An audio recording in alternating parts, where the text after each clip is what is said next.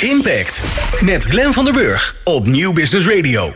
Periodiek praten we bij met Volkert van der Molen om een beeld te krijgen van hoe het nou eigenlijk een beetje in de breedte ervoor staat met alle trends en ontwikkelingen en nieuws op duurzaamheidsgebied.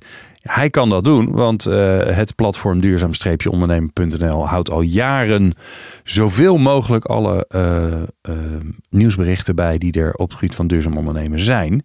En zo dus ook weer deze keer. Volkert, fijn dat je er bent. Ehm, ja, de, de, de november aflevering van de Impact Update. En je hebt volgens mij allemaal weer leuke dingen verzameld.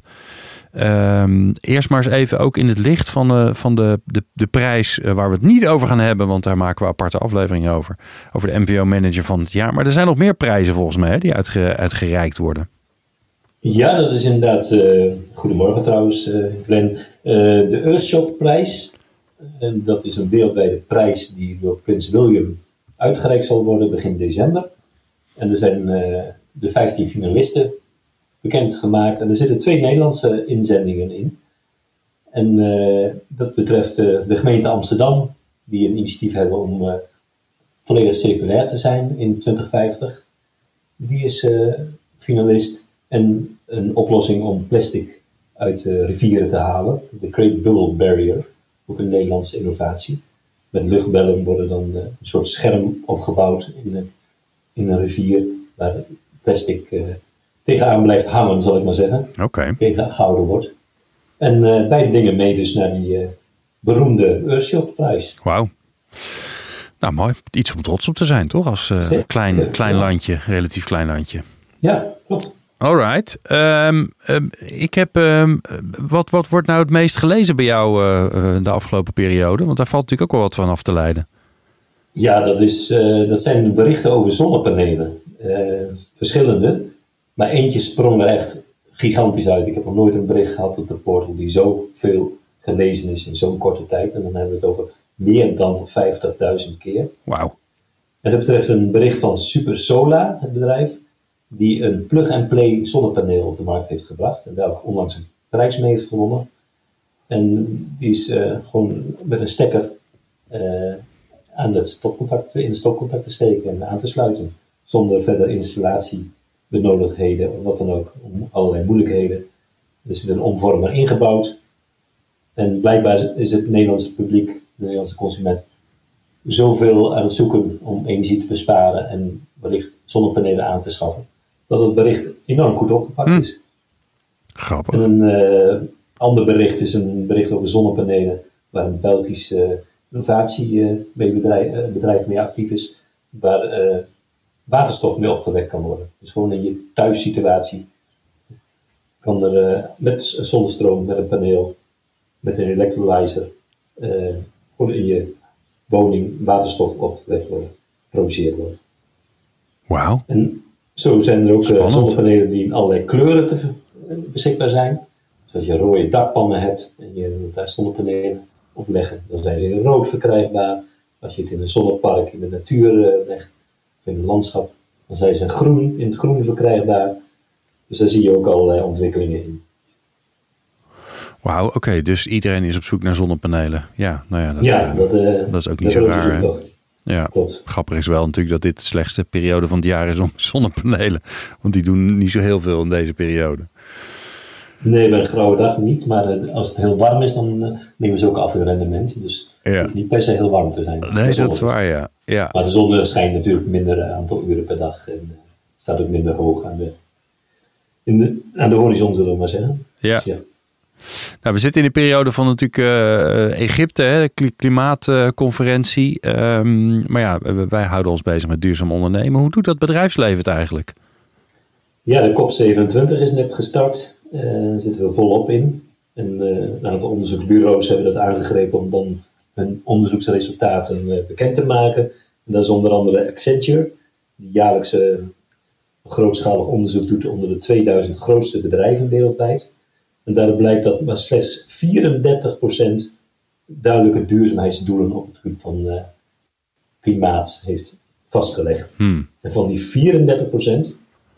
uh, hebben ze berekend dat 93% dus nagenoeg de hele club, die wel plannen heeft, maar die plannen gewoon niet kan waarmaken om in 2050 klimaatneutraal te zijn. Hmm, Dus dat is niet zo positief bericht. nee, nee. Versnelling is duidelijk nodig. En eh, er zijn een honderdtal bedrijven die hebben een open brief gestuurd en die roepen op dat de regeringen eh, meer druk moeten uitoefenen op eh, bedrijfsleven. Er zijn ook een aantal Nederlandse CEO's die eh, die brief hebben ondertekend. Dus eh, de wil is er blijkbaar wel en, en de noodzaak wordt zeker gezien, maar eh, van eh, tot echte plannen komen, eh, daar wil het nog niet in vlotten. Nee. En eh, ja, je ziet ook al dat het waarschijnlijk ook eh, door het economische tij MKB het een beetje laat afweten. Een financieel adviesbureau Oktober heeft berekend, eh, onderzocht dat een derde van het MKB momenteel geen voordeel ziet om te investeren in duurzaamheidsoplossingen. Dus hebben wat anders aan hun hoofd, zullen we maar zeggen. Ja. ja, je zou hem ook om kunnen draaien. Hè? Twee derde is, die ziet het wel dan, blijkbaar. Klopt, ja, maar, eh, maar je zou toch verwachten dat, eh, Dat iedereen ermee bezig is. precies. Ja, Ja, dat zou je inderdaad van. En de Nederlandse Innovatiemonitor is onlangs eh, verschenen, de editie van eh, 2022 van de Amsterdam Center for Business Innovation om de UvA. En eh, daaruit blijkt, wat is positief, dat een toenemend aantal Nederlandse bedrijven in 2030 uiterlijk klimaatneutraal wil zijn. Vallend daarbij is dat eh, juist eh, de grote, zware, milieubelastende bedrijven achterblijven daarbij. oké. Dat is wel weer een minpuntje. Dus degene die de meeste impact kunnen hebben, die blijven achter. Klopt. Dus daar moet Ja. ook weer wat meer druk op. Ja, en iedereen is ook steeds op zoek naar de lijst van de grootste uitstoters. Dat is ook een nieuwsbericht wat heel veel gelezen wordt. Want dat is natuurlijk alles om te doen rond eh, de stikstofcrisis. En eh, het RIVM heeft zo'n lijst gepubliceerd en dat staat ook op de portal. En daar zijn ook veel mensen naar op zoek. En daar staan bijvoorbeeld de grote bedrijven als Yara en Tata Steel natuurlijk Ja. bovenaan. Alright. Ehm, ik heb een beetje het idee dat het rondom de plastics en de plastic soep een beetje stil is. Maar dat kan aan mij liggen. Dan heb je het inderdaad eh, mis. eh. er staat, eh, steeds meer koppen in de krant en nieuws, zelfs op de NOS was het, dat microplastics in zulke grote mate voorkomen in het milieu. Veroorzaakt door onder andere autobanden, verpakkingen die in het milieu terechtkomen, landbouwfolie en allerlei andere plastics. De Plastic waren altijd een zegen, zeg maar, voor eh, productontwikkeling en dergelijke en allerlei toepassingen. Maar de keerzijde wordt steeds duidelijker, waarbij het nog steeds niet echt aangetoond is wat de effecten zijn op de gezondheid van de mens. Maar dat ze in zulke grote getallen tot aan de, de ijskappen op de Noordpool voorkomen, er wordt steeds meer eh, aangetoond. En ook in het lichaam van eh, mens en dier. Hm. En eh, ook de Plastic Soup Foundation doet daar veel onderzoek naar en heeft onlangs een onderzoek gepubliceerd dat er ook heel veel van textiel afkomstig is, van je kleding, wat ook eh, veel uit plastic eh, gemaakt is. Dat er dus bij het wassen bijvoorbeeld eh, in de wasmachine heel veel deeltjes eh, vrijkomen. En de, de vliestruien zijn al, al onbekend, dat die veel eh, microplastics eh, Ja. Uitstoten, zal ik maar zeggen. Ja, allemaal gewoon heel een, eh, kopen zou ik zeggen. Ja, dit wordt misschien wel eens een, eh, ja, een, een na klimaat. eh, ik denk wel het tweede grote milieuprobleem. Ja. Alright. Wat heb je als laatste? De luchtvaart staat sterk onder druk. Die is buiten het klimaatakkoord gebleven. En eh, milieugroeperingen en actiegroepen ook. Die eh, leggen dus steeds meer de vinger op de, de luchtvaart en wijzen daar steeds meer naar dat daar ook echt eh, verduurzaamd moet worden. En dat de regering eh, niet meer eh, dat kan omzeilen en vrij kan stellen van vergaande maatregelen.